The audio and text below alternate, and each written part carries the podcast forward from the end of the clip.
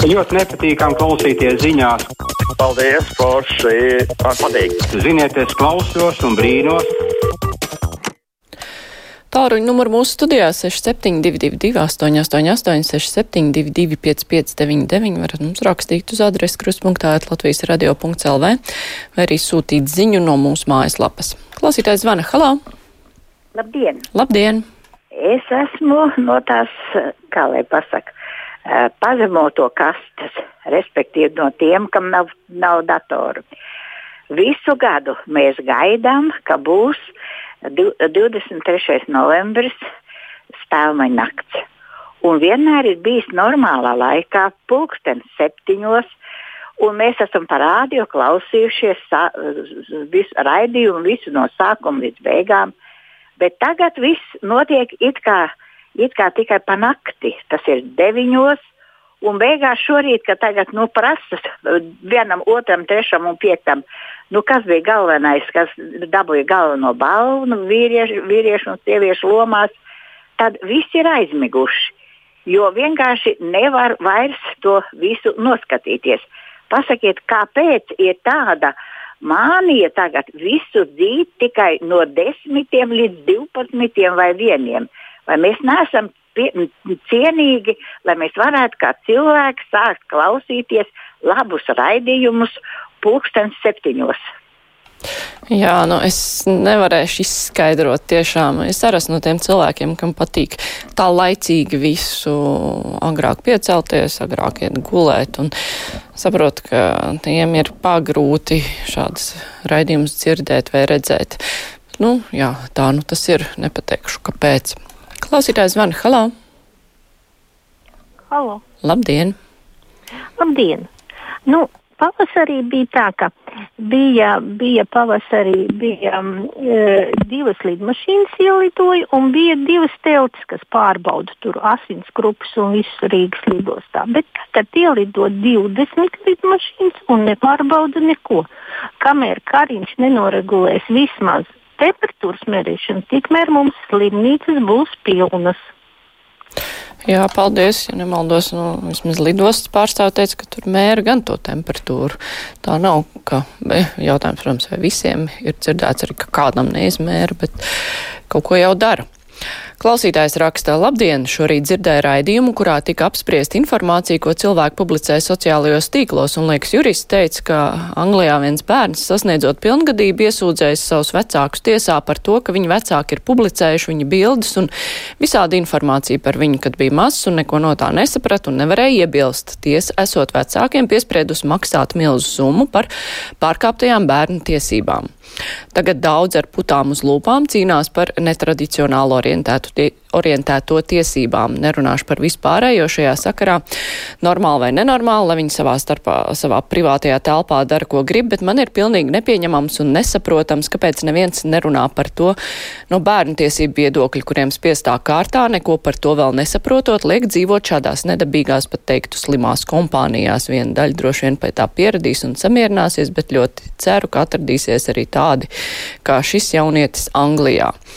Nu, tā ir jūsu versija, ka tās ir nedabīgās un slimās kompānijas, bet eh, jautājums, nu, ja bērns ir piedzimis mm, mātei, kur dzīvo kopā ar citu sievieti, vai viņai to bērnu dot bērnamā, tad tas bērns jutīsies labāk savā bērnībā vai labāk viņam dzīvot ir mīlošā ģimenē. Es domāju, ka ja bērns ir izaudzis mīlošā ģimenē, tad nu, diez vai viņš sūdzēs savus vecākus tiesā par kaut ko un salīdzināt ar tām fotografijām es negribētu, jo ja tiešām ir vecāki, nu, tiešām neprātīgi likuši visādas bildes iekšā, nu, tad arī var saprast bērnu neapmierinātību. Bet paldies, ka jūs padalījāties ar savu viedokli, jo šajās diskusijās ļoti reti, kad izskan kaut kādi, nu, tādi daudz maz uh, argumenti, kurus var izprast, jo tajā brīdī, ja pasaka, tiek pārkāptas uh, tiek aizskartas tradicionālās ģimenes, tad es tiešām nesaprotu, kādā veidā tiek aizskartas tradicionālās ģimenes, jo, ja ļauj sakārtot eh, vienzimumu pāriem eh, savas attiecības, vai tiešām kāds eh, tradicionāls pāris ir apdraudēts, vai ir jāziedo kāda tradicionāla ģimene šiem te pāriem nav taču. Un tāpēc uh, es labāk, labprāt dzirdētu tādus argumentus, nu, lai vismaz varētu mēģināt izprast, uh, kāpēc cilvēki tā domā. Vai tur tiešām slēpjas kaut kādas bailes, vai arī vienkārši neiecietība? Klausītājs zvana. Halo! E, labdien! Labdien! Nu, sakarā ar šo tēmātu, ko tagad apspriež, e, varbūt Latvijas saima varētu piedāvāt tautai kā risinājumu e, referendu šī jautājuma, e, piedāvājot e, precizētas definīcijas. Teiksim, e, ka ģimene ir savienība starp sievieti un vīrieti, bet laulība ir e, juridiski reģistrēta ģimene, tātad savienība starp uh, sievieti un uh, vīrieti. Tad konceptuāli uh, abi iedzieni tiktu savienoti un nebūtu nekādu no likumdošanas un tiesību viedokļa pretrunas, un tādu, teiksim, nebūtu arī nekādu iebildumu satversmes tiesai. Viss, viss būtu skaisti, dabiski un pilnīgi nu, sakrītu ar mm, lielākas tautas daļas viedokli. Paldies! Jā, nu, to kurš tad ir tas lielākais vai mazākais viedoklis, to, protams, var skaidrot referendumā, bet ir noteikta kārtība, kā to var ierosināt. Saimā nevar ierosināt šādus referendumus. Vienkārši, ne, protams, kāds politiķis, kāds saimnes deputāts var izstrādāt projektu un dot uz parakstu vākšanu, un pēc, lai, lai savāktu parakstus un ierosinātu referendumu, to visu var darīt. Bet, nu, cilvēkiem, jā, kurus, kurus tas interesē, viņi var tad aktīvi, un es saprotu, ka tā arī darīs. Tad e, gatavot dokumentu un vākt parakstus. Redzēs, tad e, ja būs atsaucība vai nebūs atsaucība. Viks e, raksta atbildi klausītājam, slimas drīzāk ir alkoholiķu, sievu un bērnu pazemotāju agresoru ģimenes. Nu, šausmas.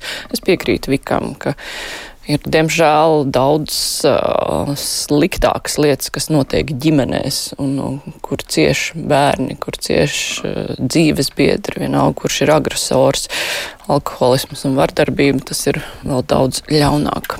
Klausītājs zvana. Halo! Labdien! Labdien! Mans liekas, ka mm, šie mm, savienības visādas, nu, tādas mm, nepareizās, jā, labi, vīrietis, vīrietis, sievietes, sievietes, un par tiem bērniem, kuriem es uzskatu, ka ir pārapdzīvotība. Un tā tad, jo tie bērni, kas dzīvo šādās ģimenēs, viņi arī būs tādi paši, un viņiem arī nebūs bērni. Paldies! Mm -hmm. nu, tā ir jūsu versija. Tas nav zinātniski pierādīts, ka bērni būs tādi paši. Otrakārt, jā, tā arī klausītājs raksta, nesaprot, kā divas sievietes vai divi vīrieši var radīt bērnus. Protams, ka nevar divas sievietes un divi vīrieši radīt bērnus, bet vai tiešām pietrūkst Latvijā ģimeņu, kur ir viens bioloģiskais vecāks un otrs ne? pa pilnam. Mums ir tik milzīga šķiršanās, uh, milzīgs šķiršanās process, procents no noslēgtajām laulībām un arī nenoslēgtajām savienībām, kur ir radušies bērni, ka bērnu audzina kāds cits, kas nav bioloģiskais vecāks. Klausītājs zvana. Halo! Halo! Uh, labdien! Labdien! Uh, jā. Jūs varat? Mm -hmm. Klausāmies jūs, jūs esat ēterā. Jā, jā. -hmm. es nezināju, ka es esmu ēterā. Jā, paldies. Mm -hmm. Man ir tāda eh, doma, ka, eh, saprotiet, man, es saprotu, ka visādas nu, novirzes ir uh, cilvēkiem psiholoģisks un fizisks un tā tālāk, un es nekādā gadījumā nedomāju, ka vajadzētu diskriminēt. Vienīgais, ko es esmu pret, uh, tas ir pret to, ka uh, šie cilvēki ir piesavinējušies varavīksni Uh, un tur mozaīka, tādas lietas, ko bērni zīmē kā vienu no pirmajiem zīmējumiem, uh, tas nav pareizi un ļoti kaut kā metodiski pat, es domāju, varētu būt uh, nu, nepareizs uzskats par dzīvi veido bērnos, kas vienu no pirmajiem zīmējumiem zīmē šo krāsaino varavīkni, kā es atceros savā bērnībā. Un tāpēc manā uztverē šie cilvēki, nu, lai atdod visai sabiedrībai viņiem piedarošo teiksim, dabas parādību, un tad eh, dara savā starpā, ko nu viņi tur grib.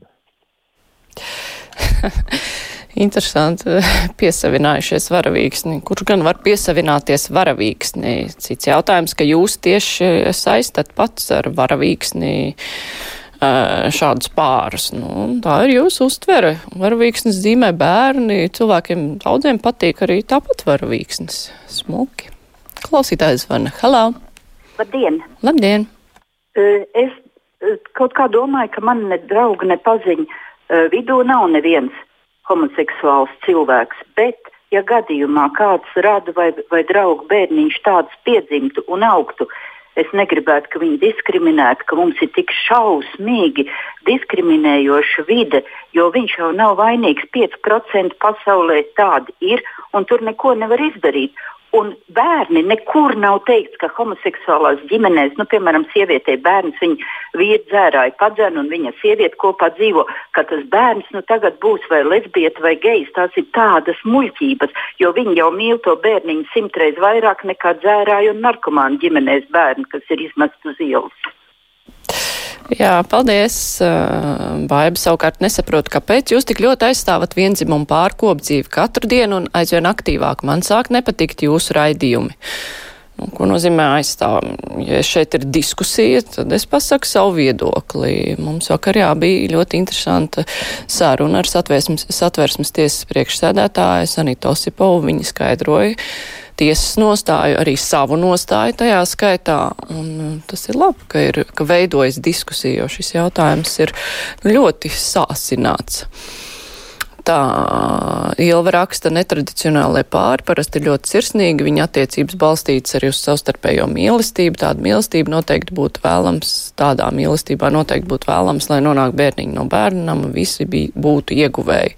Nu, protams, nevar teikt, ka visi netradicionālai pāri ir e, mīloši. Es domāju, ka tur tieši tāpat kā citiem pāriem gadās viskaut kas. Un, jebkurā gadījumā, ja runa ir par bērnu adopciju, piemēram, no bērnu nama, tad ir rūpīgi jāskatās, kā arī attiecībā uz jebkuru ģimeni, kāda ir šajā ģimenē gaisot. Nu, tas ir pats būtiskākais, lai tam bērnam pēc tam būtu laba dzīve. Klausītājs zvana. Halo! Labdien! Labdien! Ziniet, es esmu trīs bērnu tēvs, dzīvoju attiecībās ar sievieti, esmu vīrietis, un es tur nekādu problēmu neredzu par vienzimumu attiecībām tā ir dzīves realitāte, un mēs nevaram spriest par to, kas mums patīk un nepatīk, un teikt, ka tā ir novirze. Tikai tāpēc, ka mums nepatīk.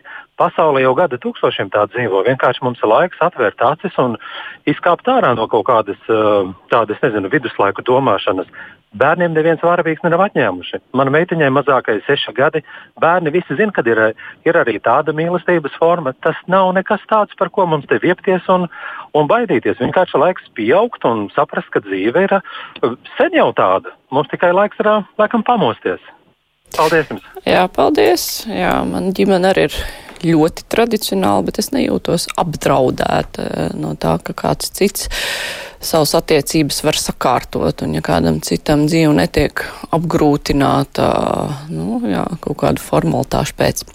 Paldies, klausītāji, ar to brīvais mikrofons arī izskan. Tagad būs ziņas, bet pēc tam mēs diskutēsim par lobēšanas atklātības likuma nepieciešamību un to, kas tur varētu būt iekšā, ja tāds tiks pieņemts. Tagad ziņas.